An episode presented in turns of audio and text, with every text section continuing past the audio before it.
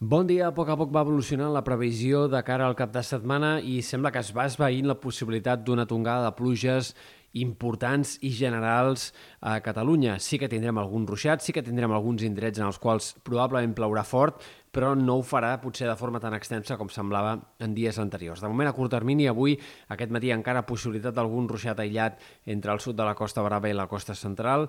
no és descartable aquesta possibilitat, però seria en tot cas fenòmens molt puntuals. A la tarda potser alguna gotellada entre el Ripollès, la Garrotxa, igualment fenòmens de poca importància. En general farà sol i la temperatura seguirà la tendència a l'alça dels últims dies, tot i que encara la calor serà poc notòria. De cara a demà hem d'esperar un dia amb més sol que no pas núvols, cel cada cop més enterbolit, mig ennubulat, entrarà vent de garbí que es deixarà sentir en sectors del sud de la Costa Brava especialment, amb cops que poden arribar a superar els 40-50 km per hora en algun cas,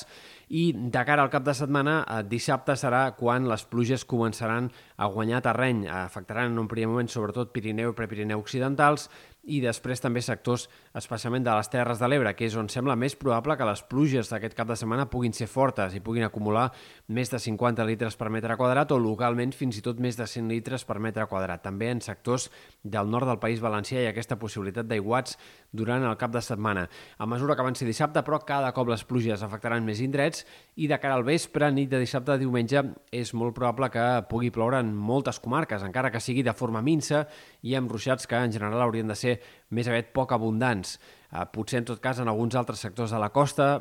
punts de la Costa Daurada o Costa Central, podria arribar a haver també alguns aiguats més destacables, però eh, la previsió encara és poc clara sobre això i el més probable és que, eh, doncs, sobretot, sigui en aquest sector de les Terres de l'Ebre, insistim, on les pluges puguin arribar a ser realment abundants aquest cap de setmana. De cara a diumenge, a mesura que avanci el dia, a poc a poc anirà deixant de ploure, eh, hem d'esperar obertura de clarianes, sobretot en comarques del nord-est,